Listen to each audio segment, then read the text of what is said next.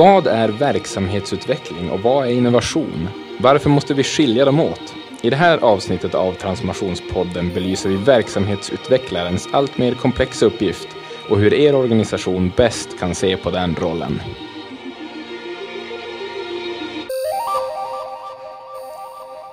Då är det äntligen dags för Transformationspodden att faktiskt sända så kallat från moderskeppet. Vi befinner oss i Skellefteå på Hello Futures eh, huvudkontor. Så det är extra kul att få välkomna dig som lyssnar idag till podden. Då vi som sagt eh, befinner oss i, i hjärtat av Hello Future kan man säga. Och då har jag självklart med mig vår VD Leif här. Hallå hallå. Och sen är det extra kul att få välkomna dig Petra som är första gången med som eh, röst i podden. Hallå hallå, tack. Um, i och för sig, jag ljög lite grann där. Vi hade ett avsnitt här för ett tag sedan när du och jag Leif pratade om eh, AI och eh, statusen där. Och då hade ju du ett litet inspel där Petra, så man kanske känner igen Petras röst från det. Men nu är det första gången du är med som på riktigt Petra, så du kan väl bara berätta lite grann. Vad, vad gör du här på Low Future? Vart kommer du ifrån? Ja men precis. Eh, jag är ansvarig för operations eh, här på Hello Future och har också rollen som account i vissa projekt. Och kommer närmast från offentlig sektor där jag har jobbat med en del verksamhetsutveckling och eh, projektledning. Har också jobbat lite grann inom privat sektor och som egenföretagare och så. Mm, så du har en ganska bred portfolio kan man ju konstatera. Precis. Och du nämnde ju att du har en liten erfarenhet av verksamhetsutveckling. Du sa här innan att du har inte varit verksamhetsutvecklare på liksom din titel på kortet, men du har jobbat med verksamhetsutveckling och det är ju det här vi ska gräva i idag. Verksamhetsutveckling känns som att det finns i, eller givetvis förhoppningsvis finns i de flesta organisationer och eh, de flesta har väl också en, någon eller en hel avdelning kanske som titulerar sig verksamhetsutvecklare.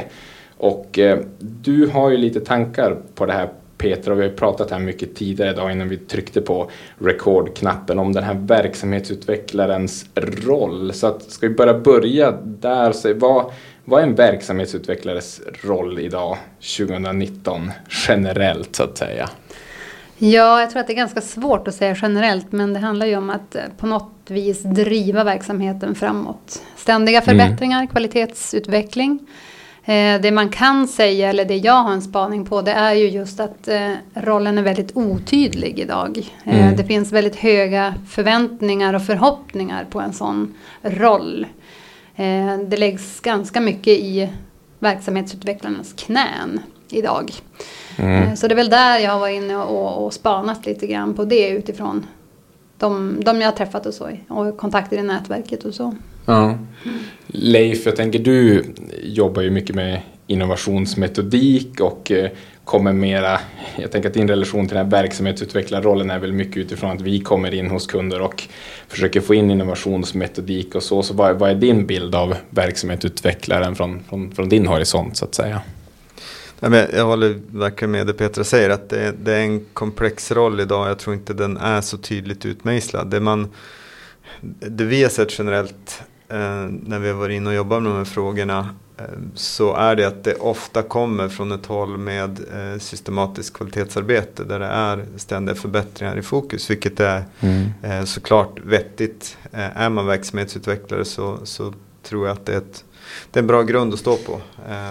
Men när man däremot bara pratar innovation och innovationsmetodik så är det kanske inte den enda verktygslådan man bör ha med sig utan då, då behöver man bredda den och då, ja, jag tänker att det kan vara en, en bra diskussion att ha. Liksom, vad är, hur stor verktygslåda behöver man och är det rimligt att den rollen kan bära alla, alla verktyg som behövs? Mm. Och där tänker jag ju också att det är precis som du säger, men det som är skillnaden idag är ju att eh, samhället är i en slags förändring och vi har den demografiska utmaningen också att, att ta hänsyn till. Så det behövs verkligen att vi är innovativa och frågan är ju just då vad, vad gör en verksamhetsutvecklare med de kraven faktiskt som kommer både från samhället och sen från ledning och, och underifrån också.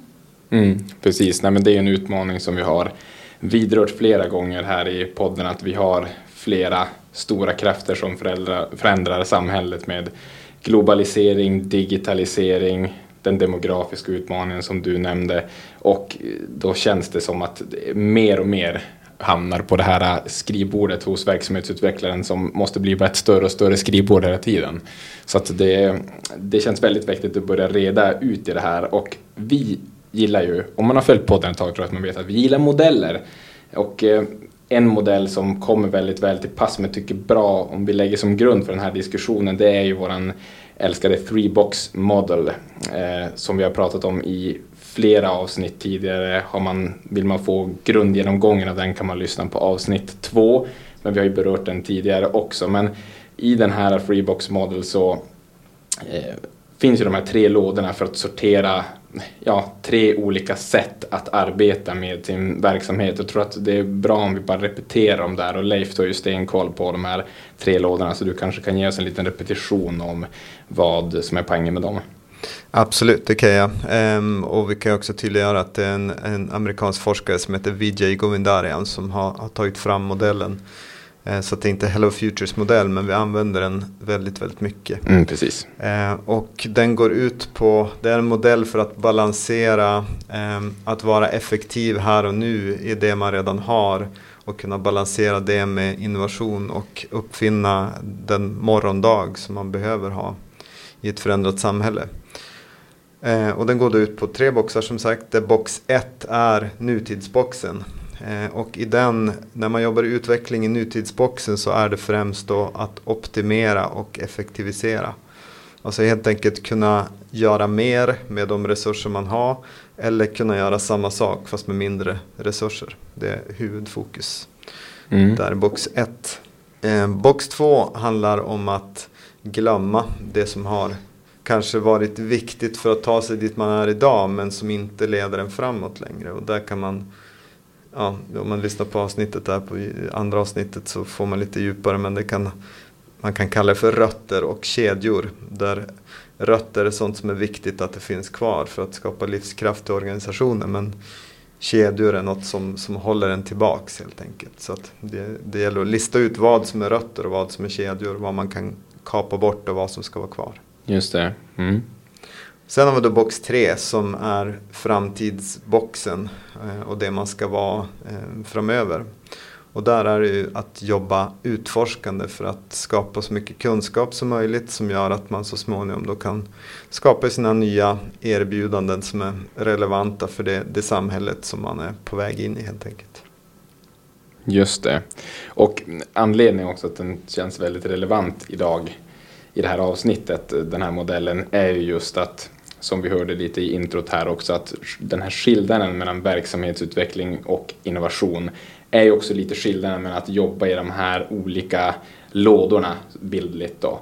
För att det krävs ju för att jobba väl i en av de här lådorna så krävs det ett visst typ av arbetssätt som bör också vara väldigt åtskilt. Jobbar vi i låda 1 som du säger, det handlar om optimering och effektivisering, då är det ett visst typ av arbetssätt som passar.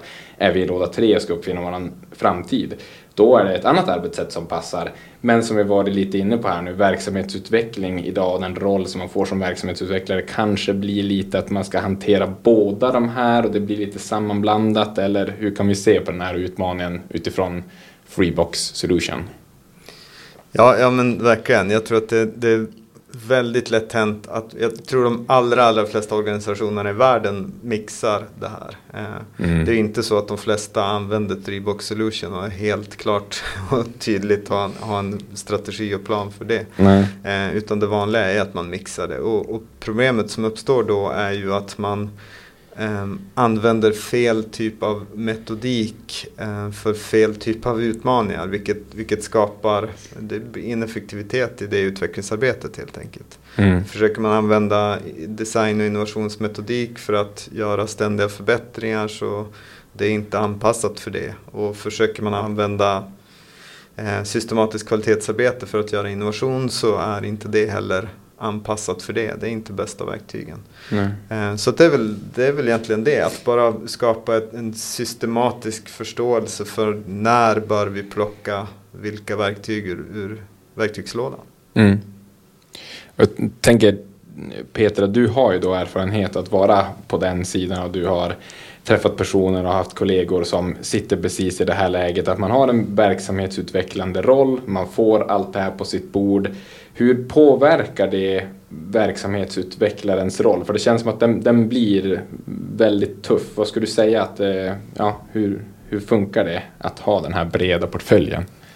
Ja, nu är det ju svårt att svara för alla, men specifikt ur mitt eget eh, perspektiv mm. så känner jag väl att det det det har gjort, eller det det gör tror jag också för många egentligen, det är ju att det skapar en, en frustration till att inte räcka till. För det, det ofta upplevs det som att eh, det finns så höga förväntningar att man ska klara av att lösa de problem man står inför och eh, även implementera samtidigt eh, digitala verktyg och medel som man vill få in i verksamheten. Eh, så att du ska som vara både en drivkraft framåt och hitta på nya idéer och driva dem framåt. Samtidigt som man också ska ta redan befintliga lösningar och kasta in dem i en verksamhet och projektleda det. Eh, och det är inte alltid man känner att man har kunskap eller kompetens för att kunna driva den typen av arbete. Och då känner man sig nog ganska ensam och tunn faktiskt. Och att få en trygghet i att det, det, är två olika saker, precis som Leif var inne på. Att det är två olika sätt att arbeta med den här drivkraften framåt Exakt. och nya, nya innovationer för att ta de här effektsprången eller få till det. Mm. Eh, jämfört med att jobba med de här ständiga förbättringarna. Så att, att på något vis, som sagt, kunna luta sig tillbaka på att det är två olika saker och sen ha den dialogen med uppdragsgivaren som i de flesta fall är chefen. Då. Mm tycker jag. Det är väl där det, det blir en, en komplexitet och ett dilemma.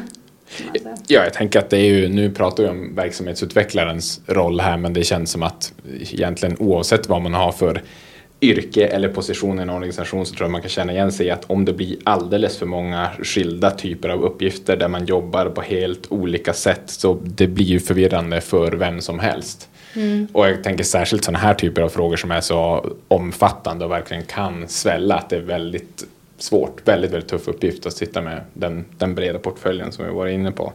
Ehm, sen känns det ju också som att någonstans om man tänker på det här med eh, jag måste ju få pengar, jag måste skapa utrymme i organisationen för att göra med alla de här sakerna. Det känns som en ytterligare en utmaning då att man kanske får en ledning som dumpar en massa idéer och liksom det här ska vi genomföra, det här ska vi genomföra. Petra, mm. ta det här vidare då. Precis. Och jag menar, vad, vad händer då? Hur mycket resurser har jag egentligen till mitt förfogande? Nej men absolut, det blir ju också ett, ett problem, särskilt om man inte har byggt ett, en systematik för den här typen av arbete.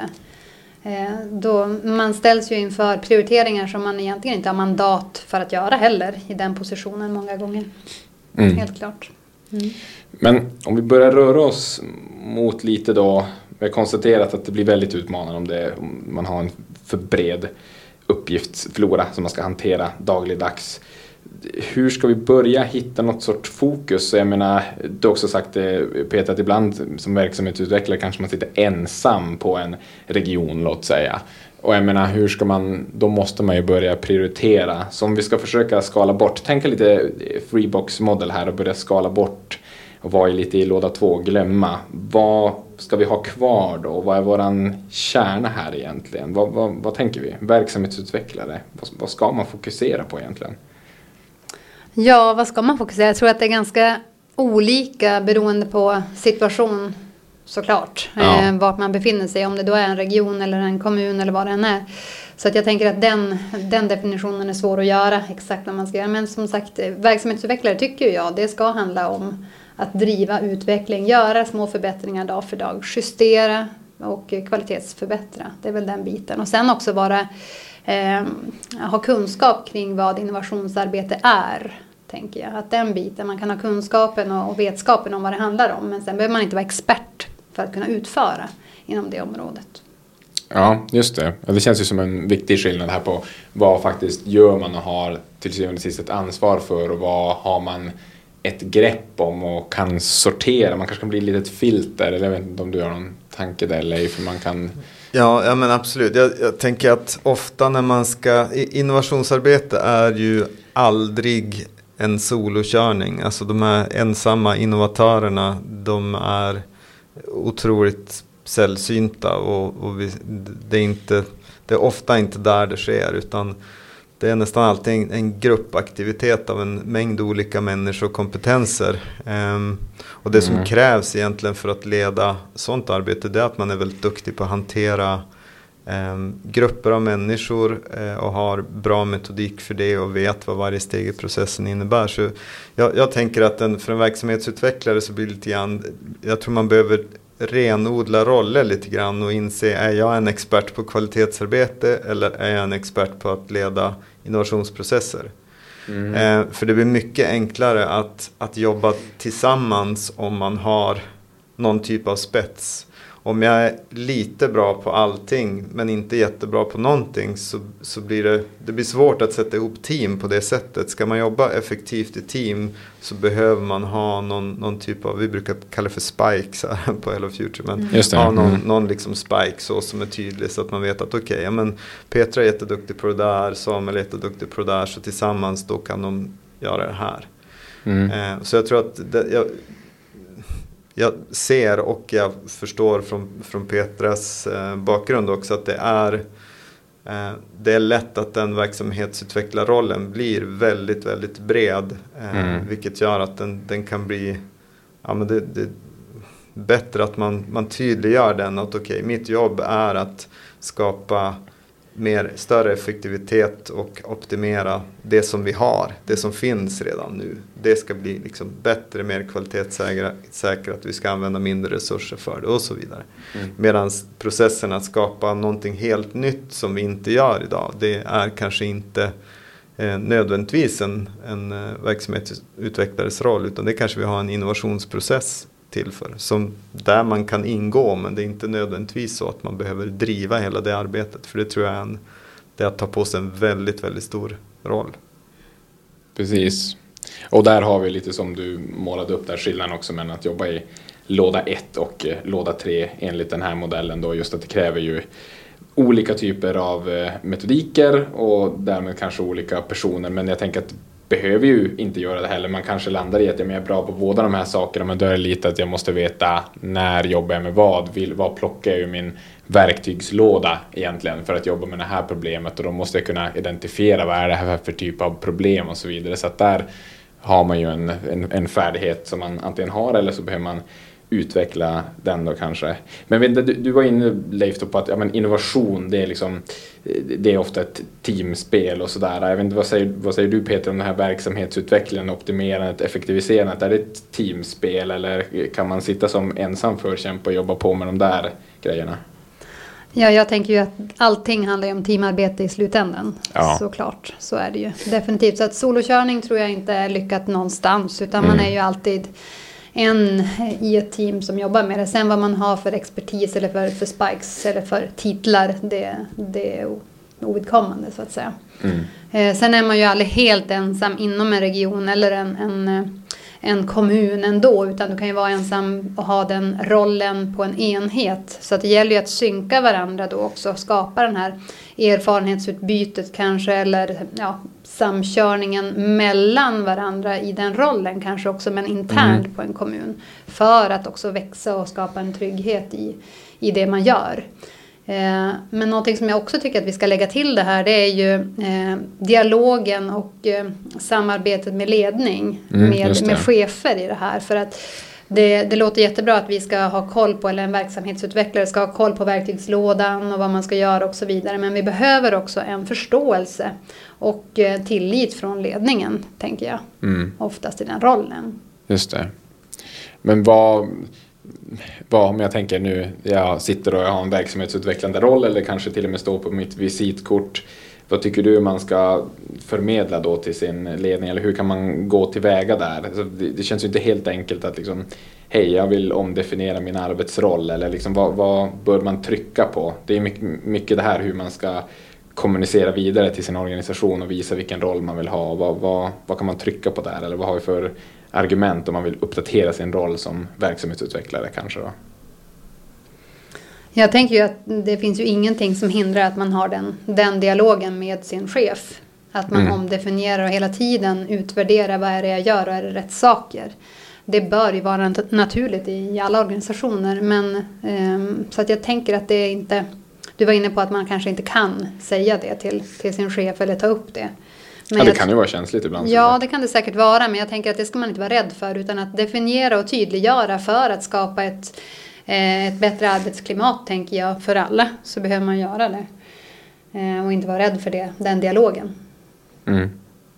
Vad är det för andra, jag tänker att om man landar i det att ja, jag har jag har för mycket på mitt bord, jag har för breda, jag vill fokusera så att jag kan bli mer spiky som vi pratade om tidigare här på det här och den här och den här typen av uppgift. Då kanske man också lämnar ifrån sig grejer och vilka är det då som kliver in och kanske fångar upp de här andra delarna. Hur, hur tycker du Leif att man ska jobba med de här äh, Handlar det om att plocka in personer utifrån, man sätter ihop tvärfunktionella teams eller hur ska man jobba med de här mer innovationsdelarna som man kanske känner att det här är för mycket för en verksamhetsutvecklare att tackla? Ja, men vi, vi tror mycket på att skapa systematik eh, och, och liksom modeller för hur man ska arbeta. Eh, så vad det gäller innovation och nyutveckling generellt så bör man ha en, en systematik där man fångar upp eller först och främst, jag ska backa bandet ännu mer. Först och främst bör man ha en bild över vart man skulle vilja hamna någonstans. Hur ser det ut om man gör ett lyckat förändringsarbete? Eh, baserat på de här utmaningarna vi pratar om. Demografiska utmaningen, eh, globalisering, digitalisering. Hur ser våran lyckade eh, förändring ut? När man vet det, då kan man börja fokusera på olika insatsområden där man ser att här har vi de största gapen där vi behöver fokusera. Och då kan man utifrån de gapen skapa idéer på hur man, hur man tar sig dit. Och när man har de idéerna då bör man konstant utvärdera om är det här en idé som kräver att vi gör helt nya saker. Är det det, ja men välj en innovationsmetodik i så fall. Är det här, innebär det här en liten förbättring av någonting vi redan gör? Ja men då är det nog en, en verksamhetsutvecklingsfråga mer som, som går att göra här mm. och nu. Eh, så det där, den stora skillnaden på, på låda 1 och låda 3 om, om man backar tillbaka till modellen det är ju att i låda 1 så vet vi redan väldigt mycket. Vi har väldigt mycket data. Eh, vi känner till hur medarbetarna tänker. Vi känner of, ofta i alla fall till hur medborgarna tänker runt frågan om vi har kontakt med dem i alla fall. Eh, så att gör vi tweaks där som inte helt förändrar upplevelsen för, för den som vi är till för. Så kan vi ofta göra det utan att vi, vi, behöver inte fråga så himla mycket. Vi kan göra tweaks och vi kan ganska snabbt få till en förändring. Men ska vi däremot göra någonting helt nytt där vi inte vet om vi ens fyller ett verkligt behov eller om det här är rimligt eller om tajmingen är rätt och så vidare. Det är då man behöver använda de här innovationsmetoderna för att ta reda på det. Finns det en, vi brukar prata om desirability, alltså finns det en, finns det en mottagargrupp här som, som tycker att vi löser ett problem åt dem? Eller gör vi bara någonting som skapar mer jobb för alla? Det behöver vi först och främst ta reda på. Har vi OK på det så kan vi gå vidare och reda ut, okej, okay, finns det en teknisk lösning för det här?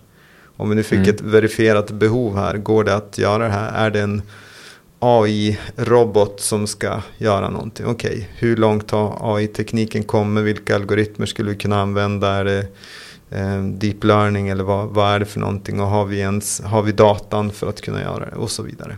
Mm.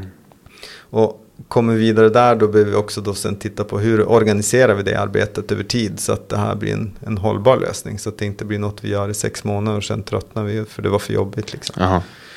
Eh, så att det är ju det där som den, den, stora skillnaden blir att vi, det är mycket, mycket, mycket mer saker vi behöver ta reda på i små, små steg när vi ska jobba med, med innovation. Vi har ingen data att gå på så det är därav också en, en förändring i en befintlig organisation utav någonting som vi redan gör kan vi ofta räkna hem. Vi, kan, vi vet så pass mycket att vi kan säga att okej, okay, effektiviserar vi det här med en timme per dag och vi gör det så här många timmar så kanske den här effekten potentiellt skulle kunna uppstå. Sen är det inte säkert att vi klarar av att realisera det men potentiellt sett skulle det här kunna hända. Mm.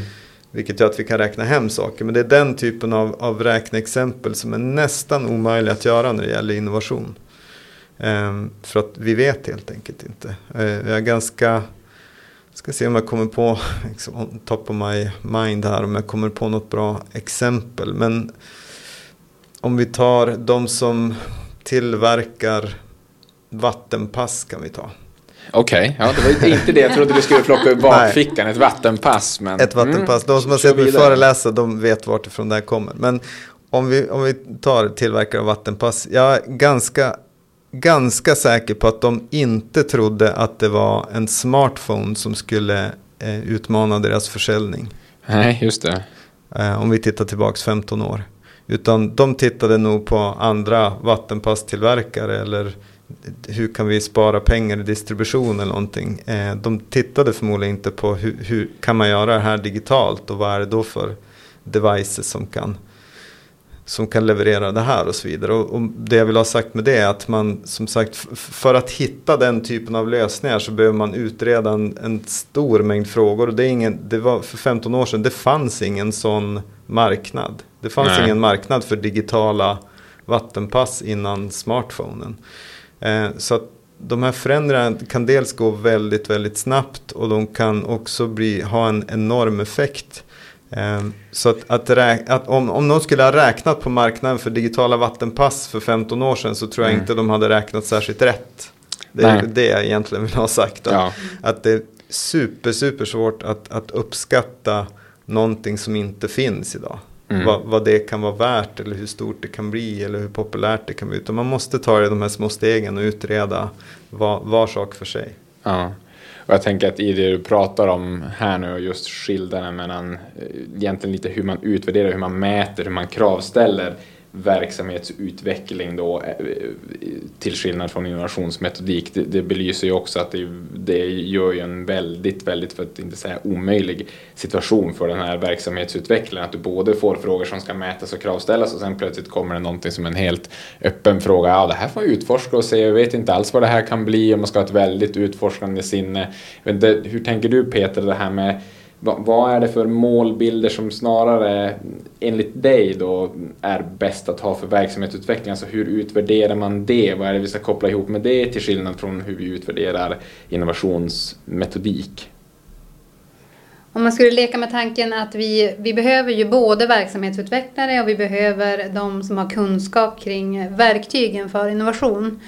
Eh, så vore ju det optimala att man kanske jobbar 50-50 med de här sakerna på, inom en organisation ändå för att dels kunna bibehålla kvalitetsutvecklingen men sen också kunna ta de här sprången på något vis. Så att, eh, vi behöver ju inte, tänker jag, befästa och liksom förankra verksamhetsutvecklarrollen i den här eh, debatten eller dialogen vi har utan det handlar ju mer om vad, vad kan de göra och hur kan vi hur kan en verksamhetsutvecklare bidra tillsammans med de som kan metodiken och har verktygslådan? Hur kan vi driva liksom, utvecklingen framåt i den takt vi behöver? Det är väl där någonstans. Jag tycker att det är intressant också att, att uh, prata. Ja, nej men verkligen. Jag, jag tror att en, en aspekt av det är ju också att vi, vi kan nog inte förvänta oss att vi bara ska kasta innovation i knät på befintliga verksamhetsutvecklare och så bara lös våran innovation. Alltså då kommer vi att få extremt många utbrända verksamhetsutvecklare i Sverige. Ja. Eh, och jag tror inte att det är det vi är ute efter. Eh, så vi behöver strukturera liksom helheten där på hur, hur, gör vi hur gör vi nytt helt enkelt och, och vad är det vi försöker åstadkomma. Det, är också, det måste bli tydligt och det är ju inte samma för alla. Det är klart att det, det det som är, gäller för Skatteverket gäller inte nödvändigtvis för Flens kommun utan det, det kommer att vara olika och, och de som är man en socialförvaltning så har man ju en eh, mycket större utmaning med demografin än vad man kanske har om man, man är kultur och fritidsförvaltning exempelvis. Kanske. Mm. Eh, troligtvis, i alla fall för att man är en mycket större eh, förvaltning och har hand om, om frågor som rör just eh, en åldrande befolkning och så vidare. Kan vi leka med tanken att vi har, vi har möjligheten att sätta ihop ett team, en utvecklingsenhet eller vad vi ska kalla det. Hur skulle vi vilja att det var? Ja, jag, jag, tror, jag tror på expertroller eh, och så tror jag på att eh, man behöver en del generalister som kan liksom föra processer vidare. Eh, som är duktiga på att att ta saker hela tiden till ett nästa steg men då behöver man också veta vad, vad ett nästa steg är. Eh, och sen behöver man Nej, vi ska, ska vi jobba med digitalisering i alla fall. När, om det är en utgångspunkt för, för innovation och förändring så behöver man ju också ha en man behöver ju ha med folk i sådana processer som har detaljkunskapen. Ja, det ska vi göra. Ska vi göra ett försök med AI inom HR-sektorn exempelvis ehm, så behöver vi ju såklart ha med folk som åtminstone har en god chans att lyckas med det. Så, så jag tror att det, det är en kombination av att vi behöver sätta en eh, en struktur för hur man jobbar med det. Alltså hur utvärderar man om det är eh, utveckling av någonting befintligt eller innovation. Sen behöver vi folk som är duktiga på att driva de processerna beroende på om det är utveckling av befintligt eller om det är innovation. Och sen behöver vi också ett stort nätverk av expertis som går att lyfta in i de olika testerna och försöken man gör. Mm. Och sen också lagret med att, att, ledning och liksom beslutsfattare också är med på banan, eller hur? Ja, verkligen. Mm. Jättebra. Mm. Ja, precis. För det är ju det, är det vi säger i vår 5C-modell. Jag, jag tror att vi har diskuterat den i något avsnitt. Absolut. Ja. Ehm, som, som egentligen är förutsättningen för att göra transformation. Och när vi pratar, med, pratar om transformation så pratar vi om en, en medveten förändring eh, i syfte att, att möta ett allt mer digitalt samhälle. Eh, och då ett, ett av scenerna är just commitment från, från högsta ledning. Det är oerhört viktigt. Och, och i, i, det här fallet är det då både politiker och ledningsgrupper måste absolut vara totalt committade. Annars kommer en, en, någon som ska jobba med utveckling mitt i en organisation eh, kommer att stöta på patrull så fort, särskilt om det bara handlar om innovation och som, som skapar stor förändring. Men ska vi bli exempelvis dubbelt så bra för hälften av kostnaden så gör vi inte det utan att det kommer göra ont för människor. Alltså det kommer, ja. det kommer inte att vara smärtfritt. Eh, och, och, då behöver man högsta ledning med sig annars har man ingen chans att lyckas med den typen av initiativ. Mm. Men om vi då tänker oss den här, nu blir jag lite, jag tar lite över din roll här Samuel, men jag tycker jag blir lite engagerad i det här. Eh, men jag tänker också att om vi nu vill göra den här typen av förändring på en sån enhet. Eh, det finns ju redan personer som har anställningar. Hur gör vi med dem? De som kanske är mer förvaltande. Eh, kanske är mer projektledare eller sånt. Vad, vad tänker vi där? Finns det något att göra? Ja, men det, det, behövs, för det första behövs ju fortfarande verksamhetsutveckling göra, eh, göras oavsett om vi ska jobba med innovation eller inte. Så dels behövs ju folk fortfarande för det, att göra saker mer effektiva och optimera. Men sen finns det också eh, ett stort behov av folk som är med och driver de här processerna internt även om man plockar in experter och även om man sätter en struktur och har ledningen med sig så behöver ju alltså, folk som leder projekten och tar bollen vidare behövs ju alltid. Eh, så jag ser absolut ingen som helst brist på det utan tvärtom är det väl egentligen att det behovet blir ju med innovation och verksamhetsutveckling blir det behovet så vansinnigt stort så hur ska verksamhetsutvecklarna ensamt klara av det? Det, det är egentligen det vi vill säga mm. att, att det finns ingen chans att man kommer att klara av det särskilt om man inte har verktygslådan för det och ännu mer om man inte har ledningen med sig. Utan det krävs alla de bitarna, annars finns det mm. ingen möjlighet. Jag tänker en sak som vi kanske ska zooma in på där, för det känns som att nu har vi pratat ganska mycket om den här verktygslådan, och man ska lära sig metodiken och strukturen, men vi har inte riktigt kommit in på alltså, vad menar vi med det här egentligen? Vad är det man ska få i verktygslådan? Alltså, innovationsmetodik och så säga, kan vi ge något konkret exempel? Jag tänker ju som en sån sak som att Eh, bli mer användarorienterad exempelvis, att kunna förstå användarna bättre och så snarare att man är kanske van att vara eh, orienterad mera inifrån och ut. Man tittar på kraven uppifrån organisationen och så vidare, att man ser att här är budgeten och därmed så har vi det här kravet snarare att titta på det här ser vi hos användarna. Så att en typ av sånt exempel kanske, eller det kan ju vara ett exempel helt enkelt att hitta metodik för att få in medborgarnas, kundernas, hur man nu definierar deras eh, behov och så vidare. Har vi mer sådana kanske konkreta exempel? Vad menar du med den här eh, verktygslådan?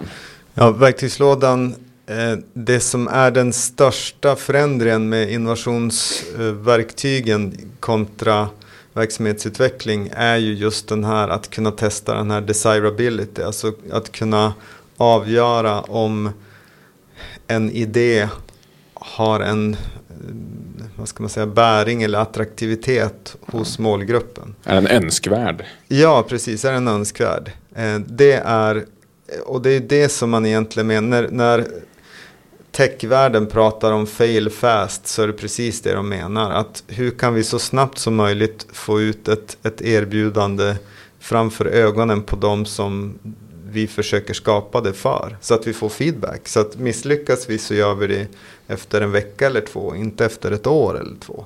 Så mm. det är inte att man vill misslyckas och vill hylla misslyckanden på så sätt. Det, det är en fel tolkning av, av den innebörd, innebörden. Utan det, det, handlar om att vi så snabbt som möjligt, ska vi misslyckas så ska vi göra det så fort som möjligt. Så att vi så snabbt som möjligt istället kan börja göra rätt. Ja, och att man har i varje steg också när man misslyckas att man verkligen fångar upp lärandet. Att man nästan kvantifierar lärande på hekto. Ja, absolut, så är det. Och, och lärandebiten är också en, en ofantligt viktig del i det här. Särskilt för det, vi, vi jobbar ju speciellt med digitaliseringsutmaningen då.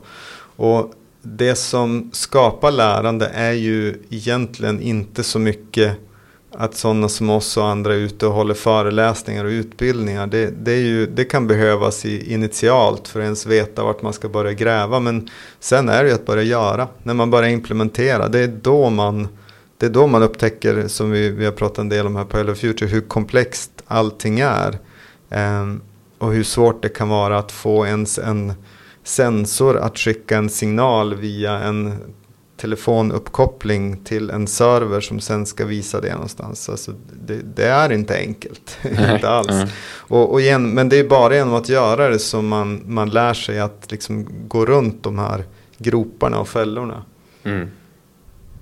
Jag tänker också att eh, börjar man få de här eh, greppen på plats måste det också vara lite lättare om vi pratar om verksamhetsutvecklarens roll att eh, kommunicera mot ledning och så vidare. Att få ledningen med sig känns som att det måste ju bli lättare när man har de här verktygen för att påvisa önskvärdheten, när man har sätt att ja, men, berättiga de här idéerna eller projektidéerna som man har. Jag tänker att ja, det känns viktigt i kommunikationen mot ledningen på något sätt. Ja, det, det är ju sättet att kunna eh, hitta budget till det man vill göra. Och, och mm. så är det ju inte alls bara i offentlig sektor utan så är det egentligen överallt. Har man, vill man göra nya saker som är svårt att bevisa det ekonomiska värdet av från början då behöver man ju egentligen bevisa teser. Om man, om man först kan bevisa tesen att vi tror att det här löser ett verkligt problem för en grupp människor. Ja, Okej, okay. kan man bevisa det? Ja, men då kan man gå vidare sen.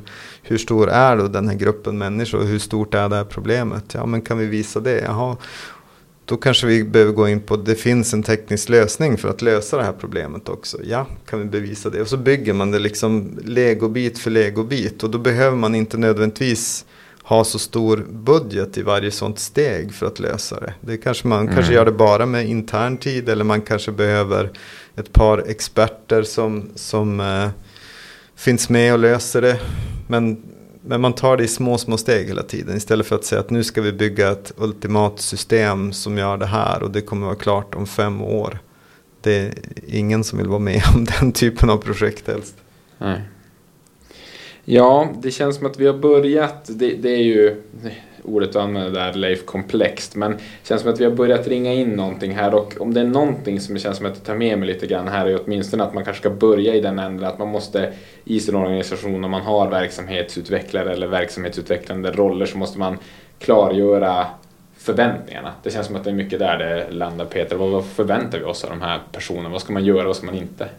Ja men absolut, det tycker jag. Och sen tänker jag också att backa tillbaka till det här att bygga på våra styrkor. Jag menar mm. idag så har vi nog ärvt väldigt mycket av de uppgifter som vi har på våra bord eller i våra knän.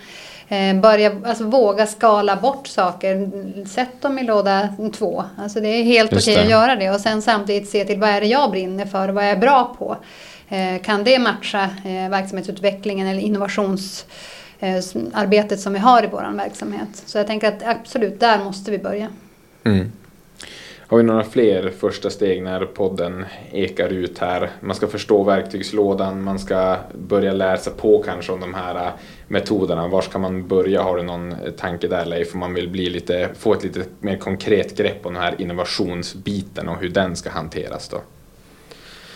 Eh, oh ja, det, det, är ett sånt stort och djupt område. Det finns ja. ju hur mycket som helst att läsa om innovation egentligen. Så att där kan man, det tar ofta en ganska lång tid innan man bottnar i någonting. För att det finns så vansinnigt mycket olika beskrivningar av det. Så jag skulle säga att det finns ingen enskild bok. Utan vill man bli duktig på innovation så behöver man plöja fältet ganska djupt, ganska länge innan man börjar bottna i hur ser det här ut för oss? Liksom, vad är det som är vettigt och inte. Men det är också väldigt olika beroende på vart, i vilka steg. Vi brukar prata om att det egentligen är design thinking eller tjänstedesign eller lean startup eller agila utvecklingsmetoder.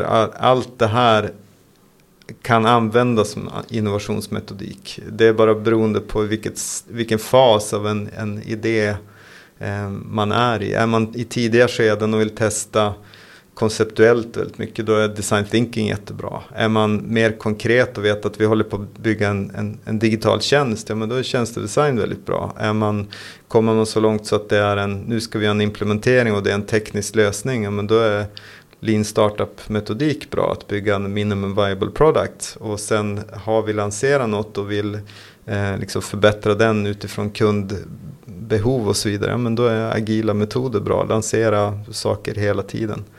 Eh, så att eh, det finns hur mycket som helst och det finns ju hela forskningsområden runt innovation management och så vidare. Så att det, det är en jätte...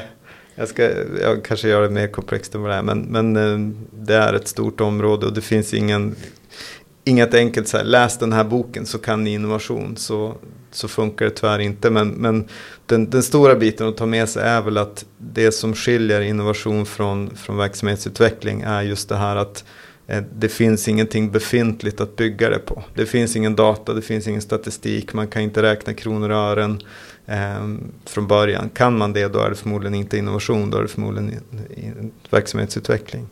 Så man, man, behöver liksom, man behöver ha ett mycket mer utforskande arbetssätt. Vilket gör att man också behöver vara mer strukturerad i sina metoder eftersom det är ja. mer läskigt och mer liksom, gungfly så behöver man ha rätt tydliga metoder som man leder folk genom. För att annars, annars blir det för läskigt att hålla på med. Mm.